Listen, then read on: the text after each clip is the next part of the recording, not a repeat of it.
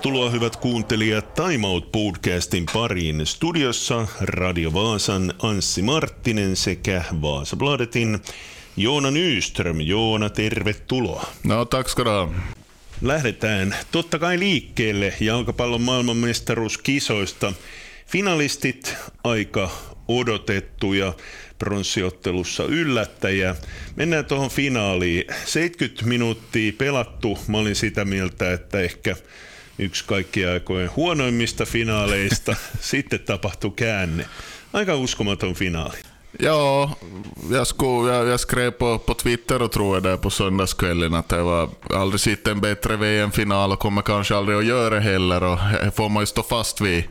Att vi, vid halvtid och just en bit in på andra halvlek så, så satt vi som satt och Schacke och så på matchen och diskuterade något helt annat och det, kändes liksom som att det bara rann av resten av matchen. Men där mitt i allt började hända och, och sen blev det en otrolig show.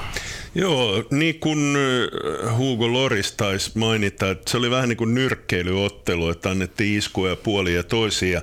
Täytyy sanoa, että tuossa ottelun loppupuolella niin Argentiina oli jo köysissä.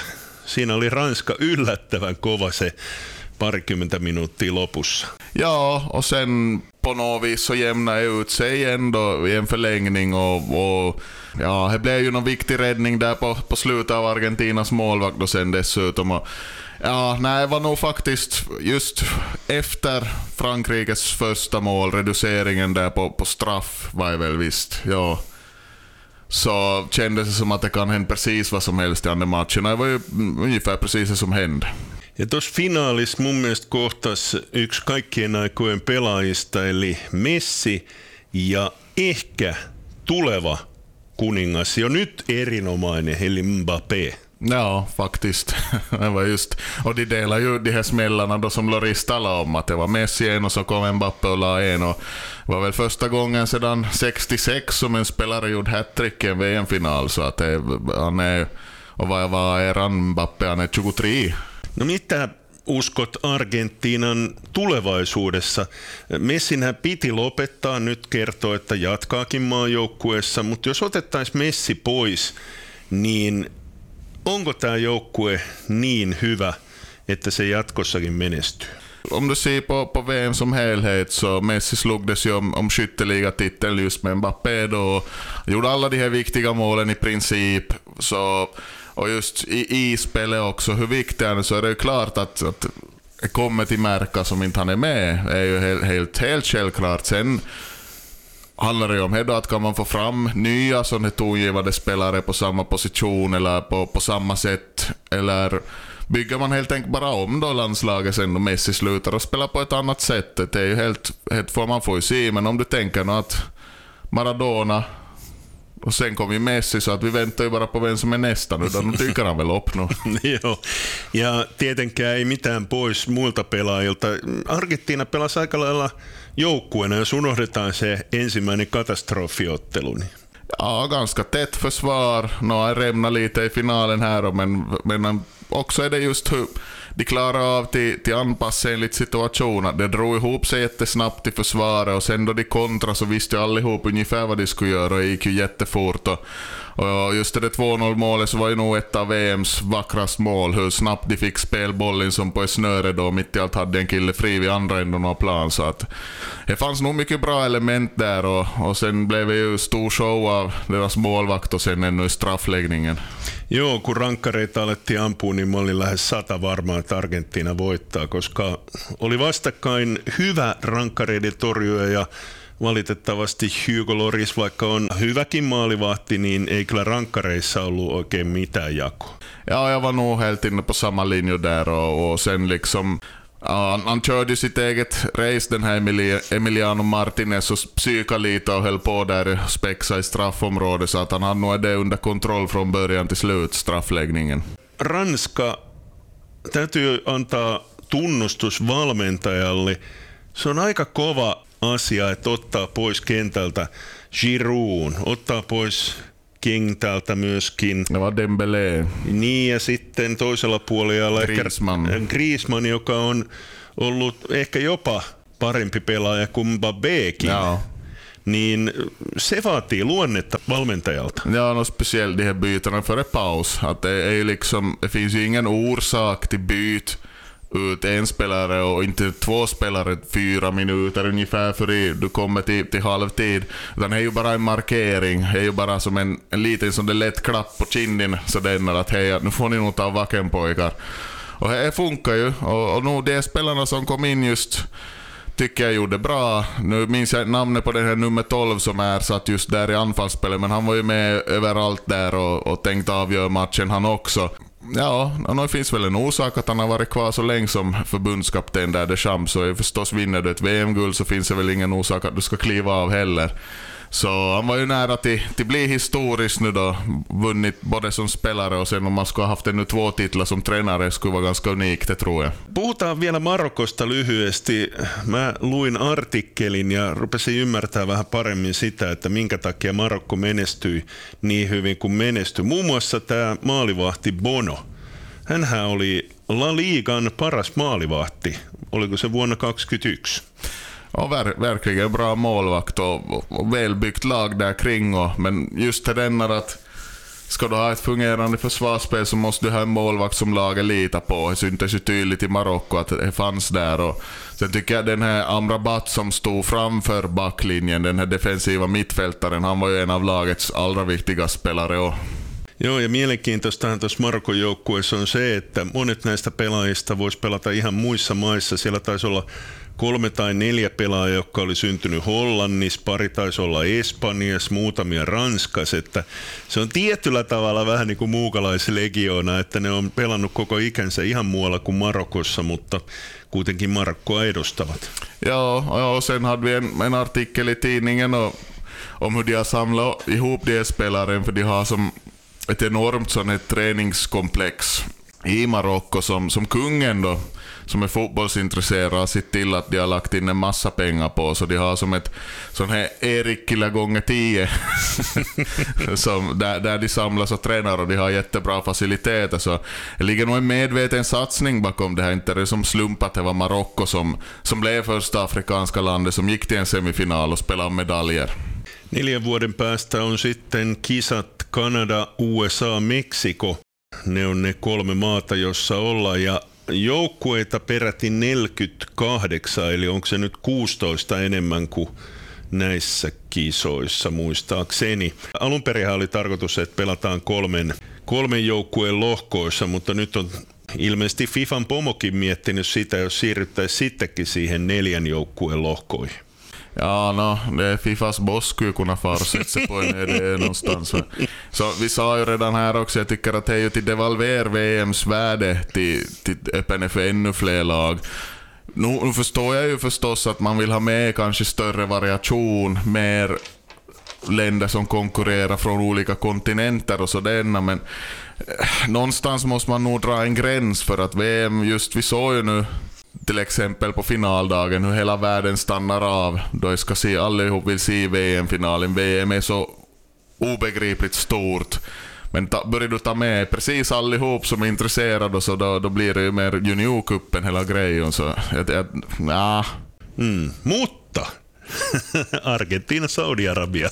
Aina tulee se mieleen, kun rupeaa pohtimaan, että pitääkö joukkoita lisätä.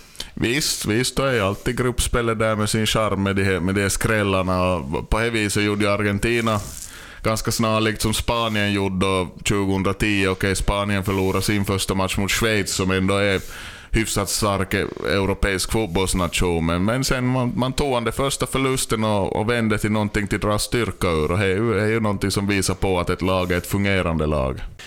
Kuuntelet Time Out podcastia. Studiossa ovat Radio Vaasan Anssi Marttinen sekä Vaasabladetin Joona Nyström. Vaasan palloseura, ehditkö käydä katsomassa VPS SIK Akatemia-ottelua? Ja, man No, nyt sitten vähän tietoa, miltä näytti. No, det var ju förstås en sån där klassisk, klassisk träningsmatch. Att, att, nu höll jag inte så bra koll på hur mycket SIK Akademi har bytt, men VPS bytte nästan hela laget i paus. Att all målvakter allting. Det var väl en spelare som spelade hela matchen, skulle jag, om jag minns rätt, det var Mika Niemi. så resten bytte de. Ja. Så, och, och, ja, no, men det var, det var ju de här testspelare ändå som VPS hade Kalle Kuisma, jätteung målvakt. Så så höll ju nollan då i första halvlek. Det kanske hade våldsamt mycket att göra, men jag tycker han såg liksom ut som att han hade åtminstone självförtroende i skickat. Mm. Att, att, och sen gick ju Teppo Martinen då, bytte av honom i, i halvtid. Och så hade den här Valtteri Olsbo som spelar som vänster wingback. Han äh, klev av i typ 77 minuten, hade nog kramp tror jag. Eh, uh, no, man, han fick slå lite hörnor och, och så där var nog inblandad en del. Tränare Jussi Nuorela tyckte att han är lite för dåligt i skick just nu för att man ska kunna bedöma hans förmåga och att han skulle bli lite bättre fysiskt skick. Så. Sen en liten mocka då av Vepsu så ledde ju till att SJK Akademia fick kvitterande matchen men är just så det i det här skedet av försäsongen då vi inte ens har gett i julskinkorna än så är nu resultatet väldigt, väldigt ointressant i en sån här match egentligen.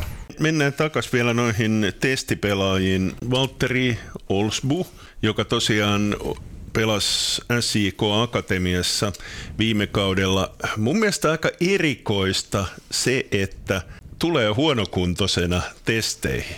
Jag håller absolut med. Att jag, jag vet inte riktigt liksom då man har haft någon, någon skadeperiod bakom sig eller med något sånt som ligger i grunden, att han har inte hunnit träna sig ordentligt i skick och då, då får man ju konstatera att men det är ju helt naturligt då. Och, och i och för sig så att komma i det här skedet på test före julen då så är det ju bara man måste ju komma igång någonstans, men nu, nu är det ju lite underligt ändå Förstås, det beror ju på vad, vad de kan hitta för alternativ på positionen. Nu ser ju ännu mer ut som att Samba Silla kommer till försvinn till Kups som brukspel vänster wingback och behöver de fyllande positionerna är klart att de behöver kanske ha en rotationsspelare då. Vi får se vad de tycker och sen förstås med med en målvakt som den här Kuisma som är sådär ung så kan ju vara en lösning att man tar innan och så har man kanske främst som akademimålvakt till att börja med. Niin, uskotko, että jos Kuisman kanssa tehdään sopimus, hän on maajoukkue pelaaja 17-vuotiaiden maajoukkueessa, Marttinen ja nuori maalivahti. Uskotko, että Vepsu lähtee tällaisella duolla? No, jag skulle hoppas att de kanske hittar en annan lösning till lika. Vi såg i den här säsongen hur viktigt det blev med, med Oskar Forsmans rutin.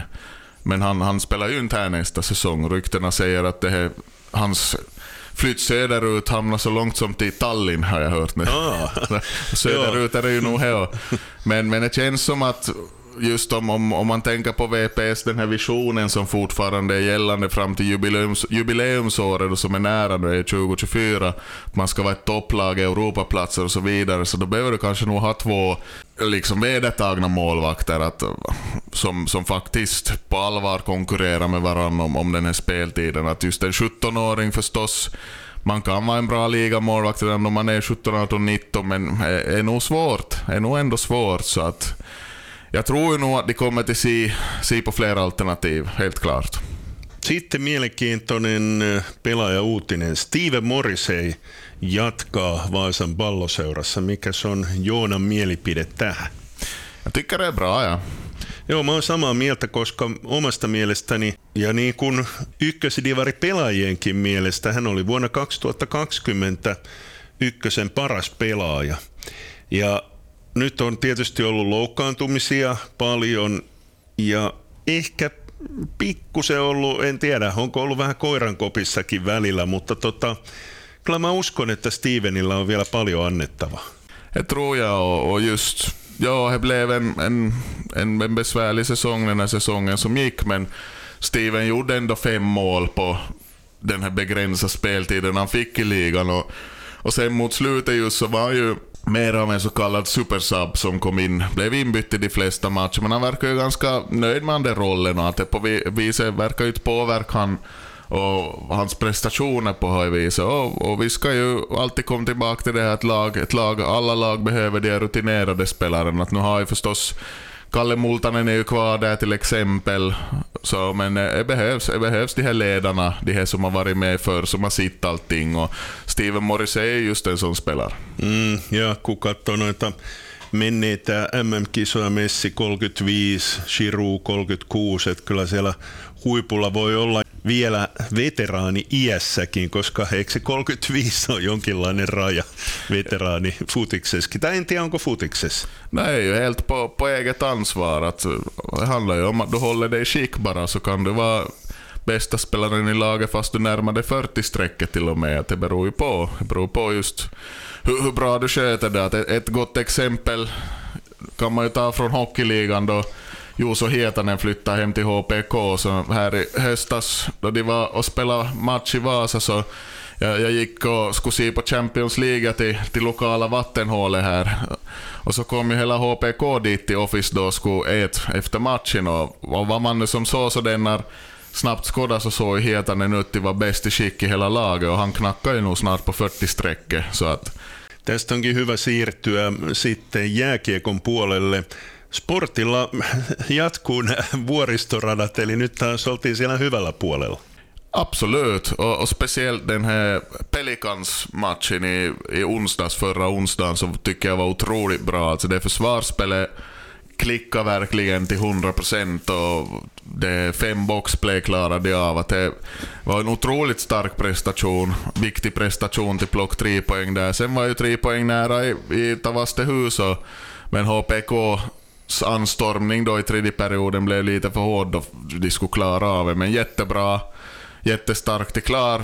Trots allt straffskytte och vind där. Två fina straffar av Axel Holmström och Rasmus Reijola gjorde jättebra i målet. Så nu, nu mitt i allt så kan de fira julsport med, med ganska bra, gott mod här. Att de ligger inte alls långt ifrån strecket nu, nedre strecket i tabellen och, och, och mitt i allt ser det bra ut och sen nu så förlängde ju lagkaptenen kontraktet så. Mm, Sebastian Stolberg tosiaan teki oliko se jopa kaksivuotisen jatkosopimuksen. Ja sitten uutisena oli myöskin se, että Sport purki Mikko Juusolan kanssa sopimuksen. Se taisi olla aika lailla odotettua sekin. Han har ju inte just spelat någonting. Att han, han var ju med nu här den här sista veckan och fick en, en, lit, en liten del i stil där, men, men inte, nej, inte, inte vet jag vad han bidrar med mer till exempel än den här Jure Povsen nu då, som verkar kanske få en chans.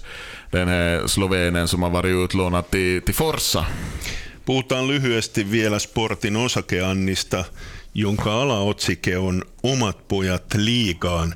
Ja se tuntuu aika lailla ärsyttäneen osa sportin kannattajistakin. Mä lueskelin kommentteja. Siellä oli, että jos RD jatkaa, niin mä en paa penniäkään tällaiseen osakeantiin. Ja, no si vissa är ju aldrig nöjd. Nej, men man, man måste ju börja någonstans. Nu har vi Filip Riska där som är inblandad från styrelsens sida i det här lagbygget, det praktiska arbetet kring det här sportsliga utvecklingen. Och sen då vi kommer till få en sportchef eller en sån här idrottsledare som ska nu ha ett större ansvar, så då måste ju vara den här människan som sen bestämmer hur man går vidare. Och sen ska vi också komma ihåg då att okej okay, att Risto du får ha kontrakten över en säsong, men det här om att på att ligan så här sker ju inte nu till hösten inte. Alltså man måste ju se tre, fyra, fem år framåt för att se att om det börjar klaffa det här arbetet så då kommer det att börja synas. Men inte ska vi någon tro att det liksom mitt i allt är fem Vasapojkar dyker upp från ingenstans och skriver ligakontrakt och finns med i premiären nästa höst. Mm, se on pitkä pitkä prosessi ja se voi kestää jopa neljä, viisi vuotta ennen kuin niitä omia poikia tosiaan saadaan joukkueeseen. No, mielenkiinnolla seurataan sekä osakeantia, seurataan tietysti myöskin sportin Otteita joulutauon jälkeen, vuodenvaihteen jälkeen alkaa Vepsulla liikakap, siitäkin puhutaan sitten enemmän, mutta nyt pidetään pieni joulupaussi, eli toivottelen kaikille Time Out podcastin kuuntelijoille oikein hyvää joulua ja hyvää uutta vuotta. Me nimittäin tapaamme seuraavan kerran sitten vasta vuoden 2023 puolella, eikö näin Joona? Vi på här. God jul åt allihop!